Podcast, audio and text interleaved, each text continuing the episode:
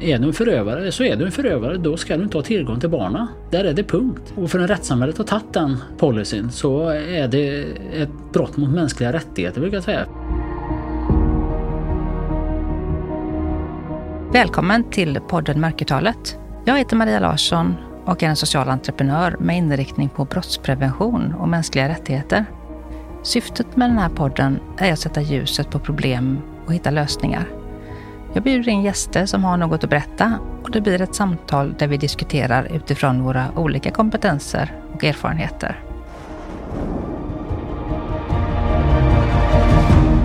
Varmt välkommen till podden Mörkertalet, Jonas Ahl, som är säkerhetschef och riskhanteringskonsult. Tackar, tackar. Ja, och idag ska vi prata om spårbarhet genom exempelvis mobiler och aktiviteter på sociala medier. Och det är du kung på. Så du kan få börja med att presentera dig. Vem är du? Ja, vem är jag? Jonas Ahl heter jag. Jag är utbildad säkerhetschef och ja, säkerhetskonsult som du pratade om tidigare.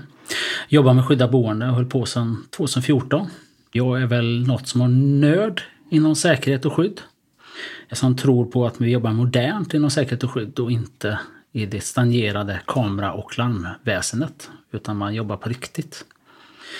Ja, vad mer ska man säga? Vad gör du på dagarna? Ja, vad gör jag på dagarna? Jag föreläser, jag utbildar på universiteten. Jag jobbar som konsult emot polis och socialtjänst för att göra riskbedömningar och hotbildsbakgrundskontroller.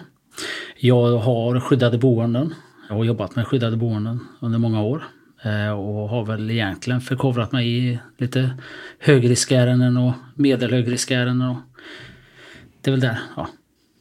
Och det som sagt var, det är mest personer som är utsatta för eller förföljda och eh, ja, det finns en stor hotbild helt enkelt med de personerna som du är involverade med. Ja, ja, men absolut. Jag jobbar ju med heterogen skyddsgrupp som jag kallar alla som lever under dödshot eller ett hot eller en stalking eller utpressning eller vittnesskydd eller vad det nu kan vara. Men du lever under en situation som behöver säkerställas och kunna komma fri från en förövare utav endera slag och vad det innebär det har ju olika benämningar inom olika områden. Intressant och eh, det ska bli oerhört spännande att få lyssna på det här med spårbarhet. Eh, för det är ju viktigt för alla, tänker jag. Inte bara för de som är utsatta utsatt för stalking eller hot eller lever gömda. Och mm, hur tänker du kring det? Är det viktigt för alla att veta? Ja, men det är det. Alltså, vi lever i ett nytt samhälle där allting loggförs på ett eller annat sätt. Och det gör ju att vi blir spårade. Allt vi gör. Om du så åker en cykel eller om du åker en buss eller om du har med dig din telefon eller du köper något så är du spårbar. Och när man jobbar inom min genre så måste man ju ha det här som en kunskap och förstå att den nya moderna spårbarheten är ju så brutal på ett sätt. För det finns ingen som inte är spårbar. Om du inte har en väldigt hög kunskap inom detta. Och det har minoriteten, skulle jag säga. Inte majoriteten som borde ha det. Och det berör ju i allmänhet också även vi som föräldrar. Alltså våra barn är spårade. De nya nätverken utav förövare utav olika dess slag. Du som enskild kvinna, eh, bara att du har Instagramkonto, ska ha stalker som följer dig. Du kan ha det behöver inte vara så grovt att du har flytt från någon men det är, alla blir på något sätt spårade eller berörda i detta. Och det kan vara bluffföretag eller fakturor. Alltså, det har en sån stor vidd så vi behöver ha en bättre förståelse och kunskap om det här. Ja, jättebra att du är här idag och berättar mer om det här. Ja, hur vill du börja helt enkelt? Eh, hur ska vi ta oss an det här? För det är ett stort område, men... Eh, ja, men det är ett stort område. Mm. Jag brukar tänka så här, för många brukar jag säga så här, men det här berör inte mig. Och det brukar jag tänka är en bra utgångspunkt. Hur kan det inte beröra dig? Ja, men vem skulle vilja spåra mig? Ja, så kan man ju se det. Då borde jag tänka så här, ja men det finns alltid någon knäppjök där ute som vill veta mer om dig. Och vad det har för motiv, det kan vi ju aldrig veta fullt ut. Och då måste man ju börja tänka åt det hållet. Om vi då vänder oss in mot skyddat boende eller våld i nära eller något så, här, så har man ju en hög motivation varför man söker efter dig. Och då behöver man börja där. Och vänder man lite mer, ännu mer på det så måste man ju tänka vad är det lättaste sättet att spåra någon? Och vad är det jag alltid bär med mig? Och då tänker jag det lättaste sättet att spåra det är ju faktiskt via telefonen. Och det är inte via spyappar som många tror, som det är på film. Ja visst kan man installera det men då måste du gjort det innan någon har stuckit. Sen kan du göra massa saker efter någon har stuckit eller försvunnit. Och då tänker jag man måste nog börja med mobilspårheten. För du som jag har ju säkert lärt sig att stänga av platstjänsten. Och det är ju, ja, kan vara en bra första grund. Men det är ju en bluff. Det räcker ju inte att stänga av platstjänster som exempelvis. Du måste ju göra mycket, mycket mer.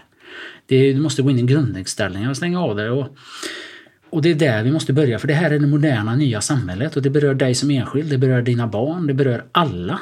Och då måste man ha en kunskap om det vi gör. Och därför brinner jag för detta. För att jag tror att jag kan ha en lite högre kunskap än de flesta. Sen blir man aldrig fullärd, men vi kommer en bra bit på vägen. Om vi börjar med mobilen, vad är det man kan liksom göra för att, rent konkret så, vad har du för råd att ge?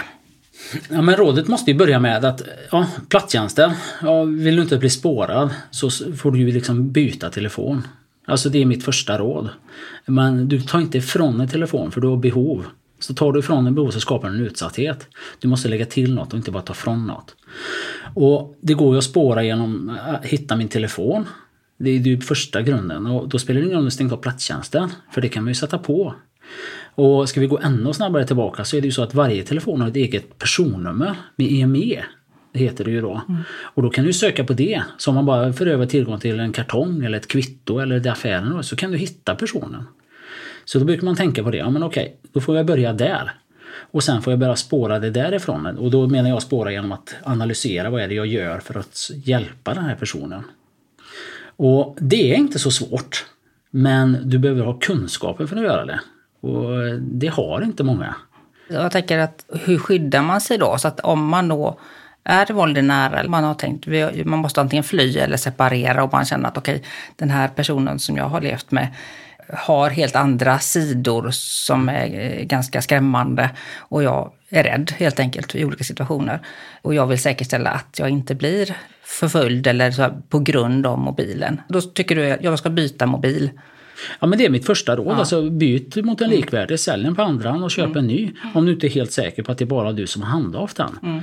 För det är så lätt att klona en telefon. Det är så mm. lätt att ha inloggning till en mail eller iCloud eller Google-konto. Och då undrar man så här, ja, men, eh, hur får han reda på vart jag är? Idag så finns det en iPhone-applikation i telefonen när du klickar. Så jag har jag din telefon i 30 sekunder och jag har den andra telefonen bredvid mig, du är på toaletten. Så jag har loggat in på ditt konto och delat så jag får alla dina mejl, alla dina meddelanden, jag får alla dina sms. Och då har jag inte ens lagt in en app. Mm. Utan det är en funktion som är inbyggd i telefonen. Och då måste jag ha respekt för det här. Och jag brukar säga många är ju så att de har anknytning till, ah, jag måste ha min telefon, jag måste ha min telefon. Ja, men är det telefonen du behöver eller innehållet du behöver? Och det är två olika saker. Och det kan du ju tanka över. Men du måste göra det säkert. Vad finns det för annat man kan tänka på om man köper en ny telefon och vill byta ut tanka över helt enkelt? Då? Vad ska man tänka på då? Ja men när man tankar över så, här så gäller det att du inte, det finns något som heter smart switch och allt det där. Det ska du absolut inte använda. Utan det är bättre att köpa ett litet USB-stick som du stoppar in i din telefon. Så tankar du av kontakter, du tankar av bilder, dina filmer som nu kan vara... För sig helt enkelt? För sig själv. Mm. Och sen så kan du tänka in det i din telefon. För mm. därifrån kan du inte riktigt stoppa in eh, virus eller liknande. Mm. Dokument är en risk för det är också någonting som har en hyperlänk någonstans. Så, men då får du med dig allting, egentligen utav väsentlig vikt. Så, och sen skapa nytt mejlkonto, skapa nytt konto överhuvudtaget. Byta lösenord tänker jag då? På. Ja det bör du göra och mm. du behöver ju inte bara byta lösenord, du behöver ha en lösenordshanterare. För du behöver ha så pass avancerat idag och det är liksom viktigt. Det är en väl investerad säkerhetsåtgärd. Mm. För du är väl som de flesta tänker jag, och det är inte mot dig men alla är ju det att man har ett och samma lösenord på fem grejer eller tio grejer eller 20 grejer. Och får man tag i ett lösenord som är på ja, vad är det, sex ord tror jag det är. Mm. Så eh, det är vad de säger inom hackingvärlden. Jag tror det tar en minut att knäcka. Mm. Jag har en lösenordshanterare faktiskt. Ja, det... ja och det, det börjar där. Ja. Och det är likväl att min andra rekommendation är att man alltid har en VPN tunnel. Ja, och att du har något av de här Nordic VPN eller liknande som är seriösa på marknaden. Så du ställer om det. För du skickar ett mail och så har din IP-adress och då vet man geografiska område och sen så börjar man söka. Då får du bara för lyssnarna Vad är en VPN-tunnel? Förklara för dem. VPN då, säg att vi befinner oss i Göteborg och vi ska skicka ett mail. Då ställer vi på en karta i telefonen att vi är i Stockholm. Det gör att du geografiskt är någon annanstans än vad du faktiskt är. Vilket gör att spårbarheten minskar. Men det händer ju saker där också. Så det gäller verkligen att hänga med i den här branschen. För vi går runt med en stalker på fickan. Så enkelt är det. Och det är ett behov som alla har byggt in i samhället. För man pratar inte om den 3310 längre direkt utan man pratar om de nya mobilerna som har alla multifunktioner. Det ska vara så fina kameror och det finns också syfte, det förstår vi. Men det finns också en risk med det. Och då måste vi göra en riskhantering på allting vi gör. Hur skulle du säga att det ser ut, nivån på kvinnojourer och så här med säkerheten vad gäller det här? Har man kunskap eller? Nej, man har ingen kunskap. Alltså majoriteten utav kvinnojourer eller skyddat boendet har ingen säkerhetskunskap. Man tror att larm och kamera är liksom det som är allting. Och larm och kamera kommer bara dokumentera det som sker mm. och inte det som inte sker. För du behöver jobba proaktivt. Och där är nivån väldigt låg. Och den är väldigt låg på alla plan. Jag skulle säga att det är minoritet, åter tillbaka minoritet utav de utförare, om det är kvinnojour eller inte, det spelar ingen roll, har en kunskap inom just det här. Annars så tror man att jag stänger av platstjänsten och byter simkort. Då är det bra. Men det räcker ju inte. Nej. Har du något mer att säga om mobiltelefoner som sådan innan vi går vidare på sociala medier ja, och alltså- aktiviteter alltså, där? Absolut, det finns mm. ju mycket som helst. Ja, det, är bara, det är bara att välja. Mm. Nej, men, vi kan ju också vända så här att vi kommer sociala medier kommer absolut, men vi behöver också tänka så här att appar, alla laddar ner appar, men ingen läser vad det är jag godkänner. Och där kommer ju också en grund i vad det är vi ser. För när jag säger ja på den här utan att ha läst igenom så kan jag ge dem tillgång till precis vad som helst på min telefon. Det är bara att ta en sån där app som TikTok som ligger ute och är otroligt modern. Och de har gett dem tillgång till att både tillgång till dina bilder, alla dina samtal, alla dina sms, dina Google-sökningar. Du har gett dem tillgång till alla dina, ja, allt i hela telefonen ger du dem tillgång till när du laddar ner den appen. Och då tänker man, men det är väl inte hela världen? Nej. Men vad gör de med den här informationen? För det finns ju en orsak varför du får riktad reklam eller du får riktad information eller du får Ja men jag har stängt av platstjänsten. Ja men ändå så får du närbutiken som ligger precis bredvid. Då ska man ju börja fundera.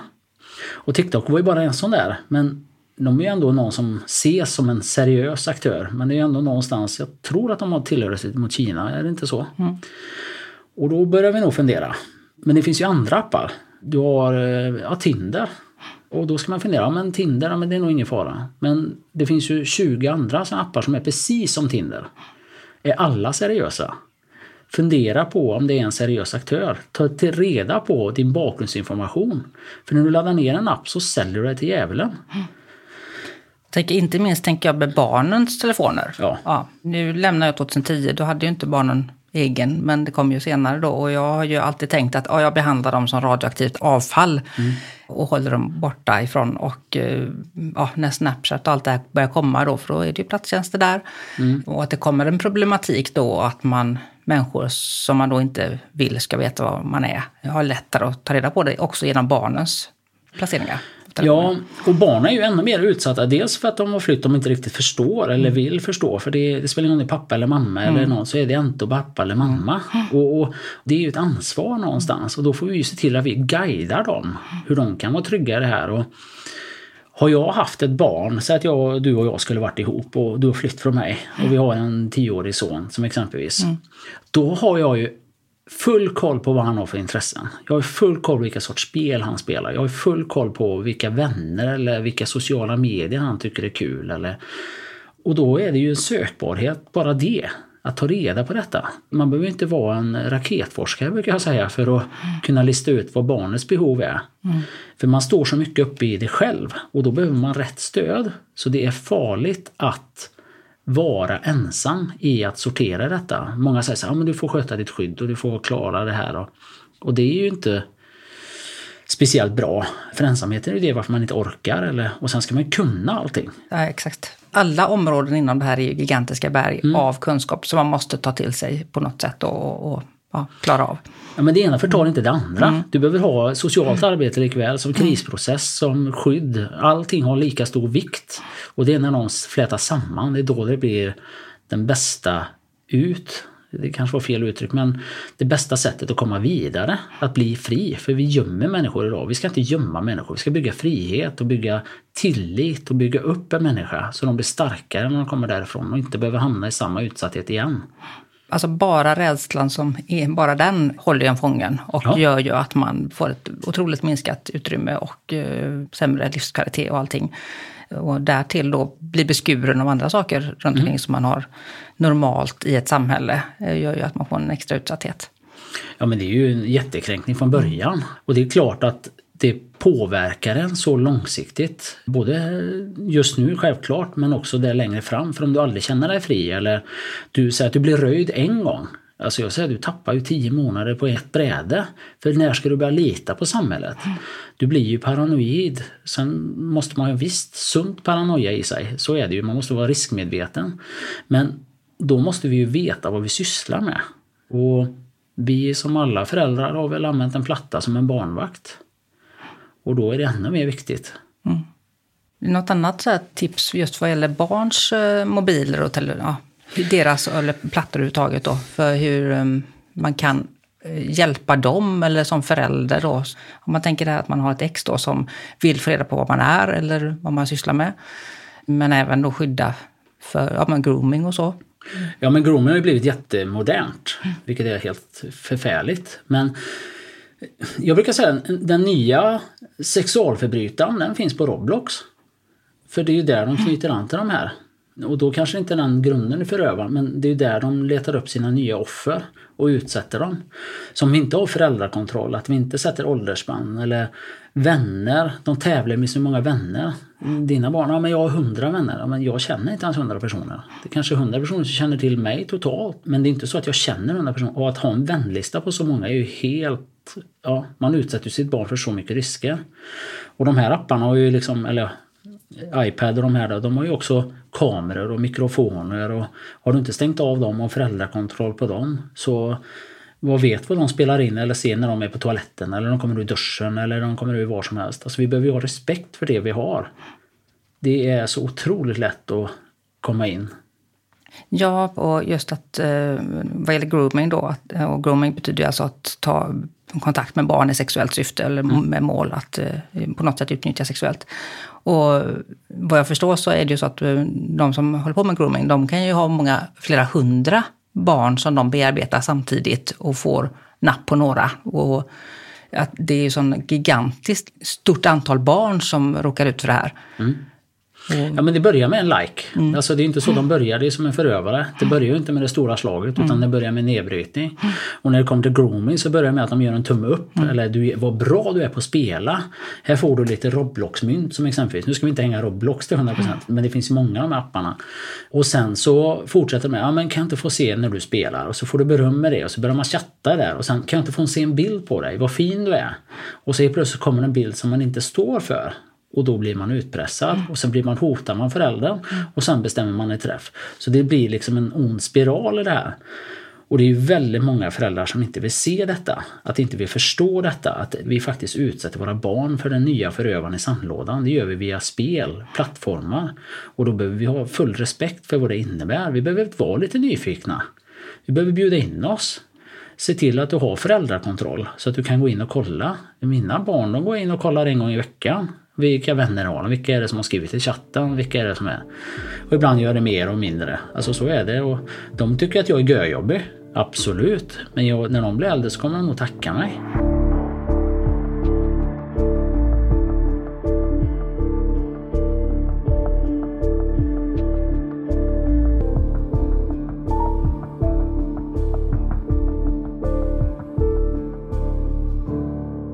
Ja, just det här att det är så lätt att komma i kontakt med barn på mm. de här plattformarna och via de här chattforum och det här. Också att det är sådana tävlingar med att utsätta sig för olika saker som förövare då kan ta nytta av helt enkelt då för att eh, uppmuntra barn till att faktiskt exponera sig på olika sätt. Och jag har ju lyssnat på en del föreläsningar om grooming och så här då. Mm. Och, ja, det är förfärligt också hur föräldrar förbjuder och så här barn att till exempel, ja, du får in, om du gör så här så blir det liksom, du drar in mobilen och du får inte ha din skärm överhuvudtaget. Eller får absolut inte skicka bilder och gör du det så får du skylla dig själv. Mm. Är liksom intentionen då. Och så precis som du nämner här då, att bilderna börjar ju inte med att det är naket, utan det börjar med något helt annat. Och gränsen där suddas ju ut och till slut så har man skickat en bild som man då kände att oj, det här blir jobbigt och man börjar få hot mot sig. Men man har ju själv medverkat i det, så att det här barnet är ju en otroligt pressad situation och har dessutom då en förälder som har förbjudit dem. Mm. Och då vågar de inte gå till sin förälder. Så det är det första jag brukar säga till föräldrarna absolut det som du säger här med att försöka ha koll, försöka interagera, försöka lära dig vad det är de. Men säg aldrig, du får aldrig. Alltså det här förbudet gör ju att barnet aldrig kommer att vända sig till dig sen när det väl händer någonting. För det är ju det allra viktigaste. Att så fort ett barn känner att nu får jag ont i magen av det här, nu händer någonting på skärmen här som jag, det här vill inte jag vara delaktig i, jag mår dåligt av det här. Och att de känner en trygghet då att vända sig till en vuxen då, och förhoppningsvis sin förälder då, för det är ju det närmaste hans då. Men väldigt, väldigt många föräldrar har en approach till att förbjuda då och nästan hota barnen då i det här då. Av rädsla och omtänksamhet, absolut, men det blir ju helt förfelat för man har inte tänkt hela vägen där. Nej men så är det. Och jag brukar tänka ungefär som en person, hamnar du på skydda boende eller om du är barn. Om du tar ifrån någonting så vill de ju ersätta det och tar du fram mobilen eller om du tar bort plattan så hittar de ju nya forum. Sätter du in en spelgräns så hittar de den i skolan eller biblioteket eller en vän de lånar åt eller går hem till kompisar. Helt plötsligt hittar de en ny kompis som var väldigt positiv. Och vi har ingen koll. Så det här med att ta bort någonting och inte ersätta det med något och inte göra det med kommunikation, det är ju grundfelet i allting. Mm. Alltså allting handlar om, om jag förstår varför så kan jag ju förhålla mig till det. Förstår jag inte varför, då kommer jag aldrig kunna förhålla mig till det. Då vill jag bara ersätta det. Så det, jag absolut prata om det. Våga prata. Barn är smarta, barn ser. Barn förstår, de är mer tekniska än vad vi är. Och de får också se mycket. Ja, som, alldeles mycket. Ja, och de har ju också lärt sig, ja men då blockerar jag den och så här då. Och det är bättre att prata om det. Ja men vad bra att du gör det, vad bra att du har hittat de här strategierna. För de kommer ju att råka ut för saker, de kommer mm. att se saker och förstå saker. Och, som vi inte överhuvudtaget vet om. Men vi behöver också vara med i den matchen helt enkelt. Eller jag har Snapchat och det är ju ingen fara. Vi har ju stängt av spökläge så det är ju ingen fara. Ja, förr var det ju så. Ge det fem år sedan så var det ju ganska lugnt. Men idag så det går att spåra en bild på 3 millisekunder via Google. Har du ett Instagramkonto så går jag in och hittar en bild och så plockar jag bort dig och så lägger jag upp det på Google och så tar det 3 millisekunder för plats geografisk adress utan en sån geotag i telefonen. Och geotag är ju en geografisk adress som man alltid har om man tar en bild om man inte stängt av det. Mm. Så det är ju så mycket mer. Jag har ju haft flera unga tjejer som har varit utpressade som man kanske kan prata om vad hederskultur är. Där tjejerna har varit utsatta, man har inte riktigt förstått varför de gjort det. Och allting började med Snapchat. Och då sa de så här, ja, men jag la bara upp en bild där till min pojkvän och det, man ser ju när de tar kort. För då får man ju det och då kan man mm. konfrontera dem. Och, ja, så var det ju kanske till viss del men idag så kan ju alla spela in en skärm. Och kan du spela in en skärm så syns inte det på Snapchat när man tar en bild. Och sen florerar den runt och så blir de utpressade och så blir de pressade och så händer det saker. För de är ju inte dummare än så barn. Barn vet hur man får fram det man vill ha fram. Och det handlar om motivation. Och det är likadant med en förövare. Ja, nej men det, och det är jätteviktigt där att känna till både hur det går till, och, eller kan gå till, och hur man då, för då kan man skydda sig och hitta strategier för det, eller hitta möjligheter. Eh, både genom att liksom informera, kommunicera eller stänga av funktioner och förstå vad man behöver göra. Sociala medier, vad ska man tänka på där? Ja, det beror ju lite på vart man är i stadiet brukar jag säga. Säg att du har flytt precis, eller vad som helst. Då, så alla som är någonstans i ett eh, offerperspektiv har ju ett behov att så kallad ha kontroll på en förövare. Och hur det speglas ut det varierar, men ofta använder man sociala medier eller kommunikationskanaler. Och då brukar jag säga så här, ja, det kan finnas en sundhet i det att veta om men så länge du tillåter en förövare att ha en viss kommunikation med dig, eller någon sorts kommunikation, så kommer det påverka dig till att ta längre tid att ta dig därifrån. Sen är ju det en fas. Men om man tittar till sökmönster och sökbeteenden så har det ju en väldigt stor påverkan. För allas ilska drivs ju utav en energi. Och energi kan bara fås utav upprätthållning. Så om de inte får någon reaktion så kan de inte fortsätta vara arga utan de kommer hitta nya faser, nya personer. Och vad är energi då? Men det kan vara att förövaren då har tillgång till din Facebook då som du kanske har vilande. Och så rätt som det är så gör du en tumme upp på ett inlägg.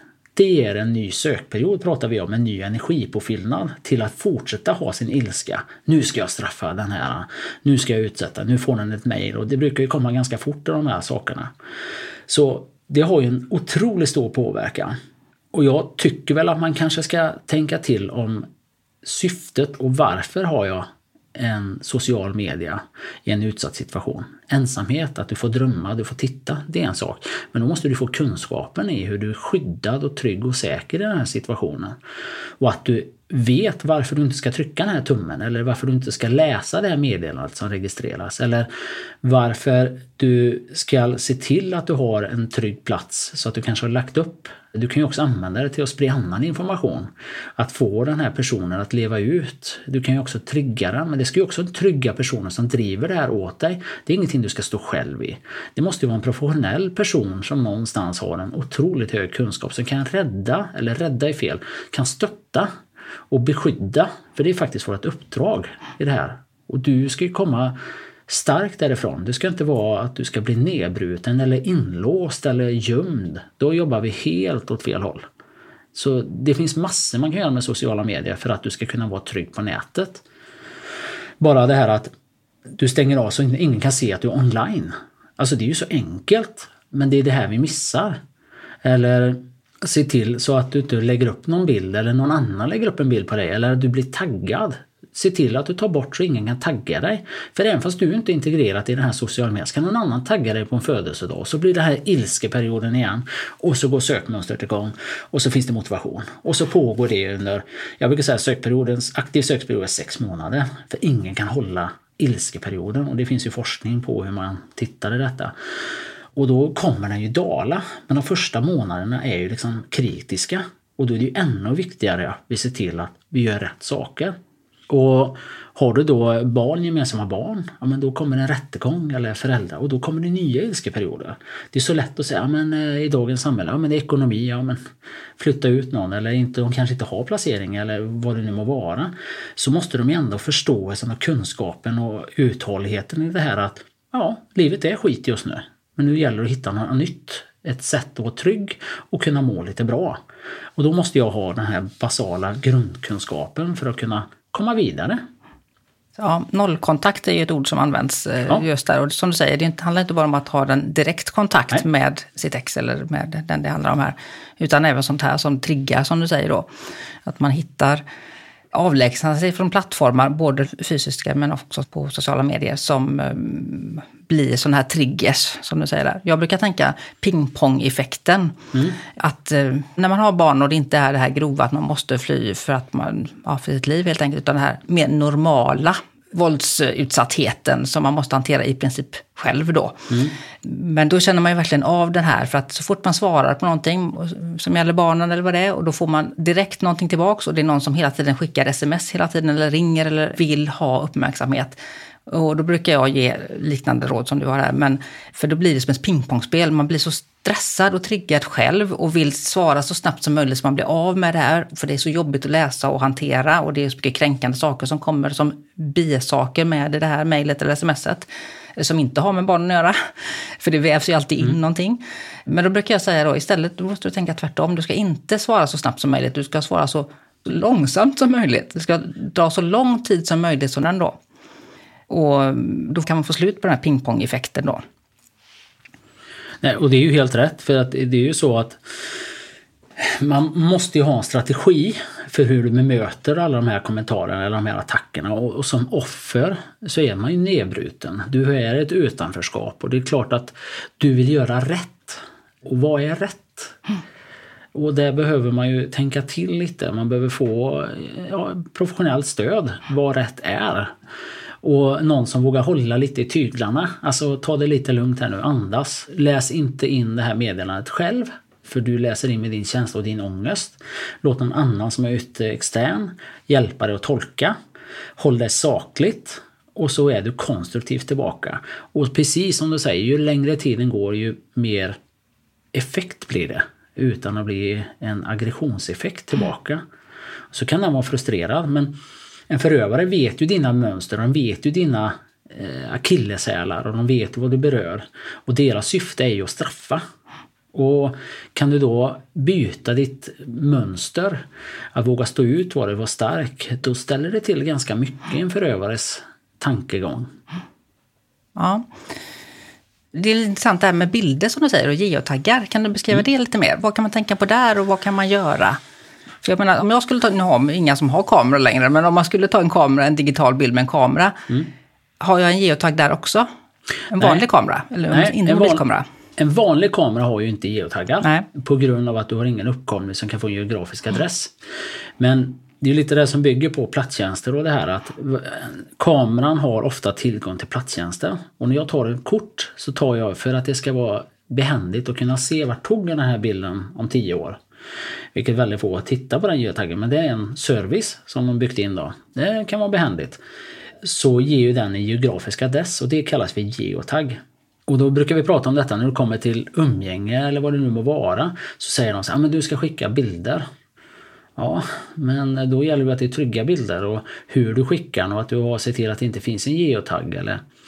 Men det är ju inte bara det. När du har tagit bort geotaggen, stängt av platstjänsten på kameran och det här, så behöver du ju också tänka på vad är miljön? För idag så är ju Google Car har ju åkt runt hela Sverige, hela världen. Så om jag tar en bild ute och så lyfter jag ur, om du har tagit en selfie och så har jag tagit det ute och så har jag tagit det mot en buske eller mot en, en byggnad och så lägger jag upp den mot Googles egna sökfält så eh, tar det inte många sekunder innan du får en geografisk förslag på adress. Så det är också det är viktigt. Så det är en annan förlängd arm i det geotänket så att säga. Så det gäller snarare att tänka till vad har jag i bakgrund? Vad är det som har tillgång till mina kort? Jag brukar säga, för att vara helt trygg om du ska skicka en sån bild, se till att du har en neutral bakgrund. För du behöver inte ha massa färgglatt om du ska skicka en sån bild. Du kan vara en helt vit bakgrund. Inga fönster, ingenting. Eller en buske eller en gräsmatta. Och sen eh, tänka på att det inte är glasögon som speglas eller liknande. Och sen när man ska skicka den så brukar jag säga ta en skärmdump på den bilden och skicka den. För då finns det ingen geotag. För då är det en skärmdump. Och då måste man ju givetvis kolla så att man har, har du då VPN-tunnel så kommer det stå att det är någon annanstans om man är riktigt teknisk. Mm. Men det krävs jättemycket. Ja, det var en bra idé med skärmdump där. Mm. Mm. Det här hör man ju, det finns mycket att göra, det hör man ju. Just för att eh, familjerätt och, och vad gäller vårdnad och umgänge då har ju vissa krav på att man ska dela med sig av information eller mm. bilder som du säger och uppdatera om hur läget är. Ja, och då behöver vi också tänka till för att Säg då att du har fått det, att du ska dela bilder. Då brukar jag säga att ja, men då ska rätten tillhandahålla ett säkert sätt att dela bilden. För jag kan då inte göra det. För om jag mejlar det så kommer en IP-adress. Och en IP-adress, vad är det då? Jo, det är en geografisk adress på området det är som är ungefär 300 meter. Som du kan hitta. Så varierar det ju också givetvis för det handlar ju om vart du är i landet och allt sånt här. Men det kan ju också vara så att du eh, delar via ett sms, via ett telefonnummer. Jaha, ja, men det går väl inte att spåra? Det är klart, allting går att spåra. Det kanske krävs vissa åtgärder. Bara ett telefonnummer i sig går inte att spåra. För det är bara polisen, åklagare och vissa telefonoperatörer som kommer så långt in. Men äh, säg att en förövare har tillgång till din telefon, telefonnummer och så äh, har vi haft ett barn eller vi har haft en bra minne eller vad som helst och så skickar jag en bild till dig. Och eh, får du det som MMS och så är den jätte, jätte, jätteliten. Den är lite som ett frimärke på din telefon. Men du ser att ja, men det är ju på våran dotter eller våran son eller på våran semester när det var ett fint minne. 99% kommer trycka på den bilden för att få se den i stor storlek. Och när du har tryckt på den så har du skickat din geografiska adress. Så enkelt är det att hitta den. Mm. Ja, den var lurig. Ja, men den, den är lurig, men vi mm. måste förståelse för mm. det. Och det är likadant om du använder WhatsApp eller vad som helst. Ja men du kan bara ha ett telefonnummer vid den tidpunkten. Ja, men hur pratar du? Filmar du? Vad är det runt om? Alltså det är en uppsjö av saker man måste tänka på och där måste vi ha kunskap. För det gör också varför har så många ångest inför ett umgänge via telefon eller video eller på plats? Jo, för man har inte kontroll. Det är ingen som har kontroll. Inte utförarna, inte någon. Och det är så lätt att döma till och med. Det är du en förövare så är du en förövare. Då ska du inte ha tillgång till barnen. Där är det punkt. Mm. Och för en rättssamhället har tagit den policyn så är det ett brott mot mänskliga rättigheter brukar jag säga. Mm. För en förövare är ingen bra pappa eller mamma. Nej. Nej, helt enig med dig där. Vi har ju långt, tyvärr långt att gå Ja, för att kunna skydda våra barn. För det är ju också en av grunderna till att jag startade den här podden. För att uh, få ut, vi måste jobba med mänskliga rättigheter, vi måste skydda våra barn. Mm. Så jag tror vi ska göra en liten avrundning här av dagens ämne här med spårbarhet. Och mm, ja, det var mycket information kände jag att det blev här på kort tid. Men otroligt eh, givande. Ja, vad säger vi nu? Recap om det här. Det var, tänk på mm, platstjänster, tänk på mm, geotag, bilder. Ja, du får... Nej, men, och det gäller att tänka stort. En sak som vi har missat som är otroligt viktigt det är att alla betalkort lämnar spår. Tänk på det för det är många som blir röjda. Apotek, ICA-kort, med mera-kort eller vad som helst. Se till att inte använda dem. Det är mitt tips i spårbarhetens djungel. Så eh, jag har brutit ner det. Jag tror jag har 99 saker som är spårbara. Som jag försöker anamma efter. Ja. Är, har du en bok som heter så? För det hade varit en bra bok, Ja, tänkte jag. nej, men man, man kommer kunna hitta på min hemsida för jag kommer lägga ut det för vi måste bli medvetna om vad Mm. som spåras. Så det kommer komma på min hemsida allt eftersom. Ja, vad heter din hemsida? Ja, det är agiltskydd.se. Det är min skyddssida, så att säga, eller Mm. Okej. min sida där jag jobbar med skydda boende. Och där kommer det komma en hel en sida, för jag tror vi behöver medvetgöra vad det är som faktiskt röjer. Mm. Och hur man hittar och vad som spåras. Och där kommer vi lägga upp kontinuerligt vad det Mm. är. Och många tänker så ah, men förövarna kommer ju kunna få reda på det. Ja, så är det ju. Men förövarna vet ju redan detta. Ja, precis. Och då måste vi veta hur vi skyddar oss. Ja. Det är ju grunden. Mm. Då lägger jag din eh, länk till din sida i avsnittsbeskrivningen Absolut. så att man hittar det helt enkelt. Ja, något mer som vi ska göra recap på här nu? Var nyfikna. Jag brukar säga att allting handlar om ordet varför. Mm. Varför har jag detta? Varför sker detta? Om jag börjar använda varför i min riskbedömning så skapar jag förståelse. Då kan jag göra rätt beslut. Tiden kommer alltid vara en gynnande faktor. Om barnen vill ha en app eller barnen vill göra någonting. Se till och tänk varför. Ta 30 sekunder, en minut. Tänk till. Våga tänka, vad kan detta innebära för mig? Så kommer du vara så mycket säkrare och så mycket tryggare och ha mycket, mycket, mycket större möjlighet att lyckas. Jag tänker att vi går mot avrundning på det här avsnittet. Och vi ska få träffa dig nästa gång igen och då ska vi prata om beteendemönster och hur vi kan eh, bli säkrare genom att förändra våra beteendemönster. Har ju lite med det här att göra också men eh, ja, det ska bli jättespännande att prata om det. Stort tack! Tack själv! Om du känner igen dig eller förstår att någon i din närhet är drabbad så finns det mer information om vart du kan vända dig i beskrivningen till det här poddavsnittet. Där finns även information för dig som tycker det här är viktigt och vill stötta den här podden, antingen via Patreon eller Swish. Vi hörs!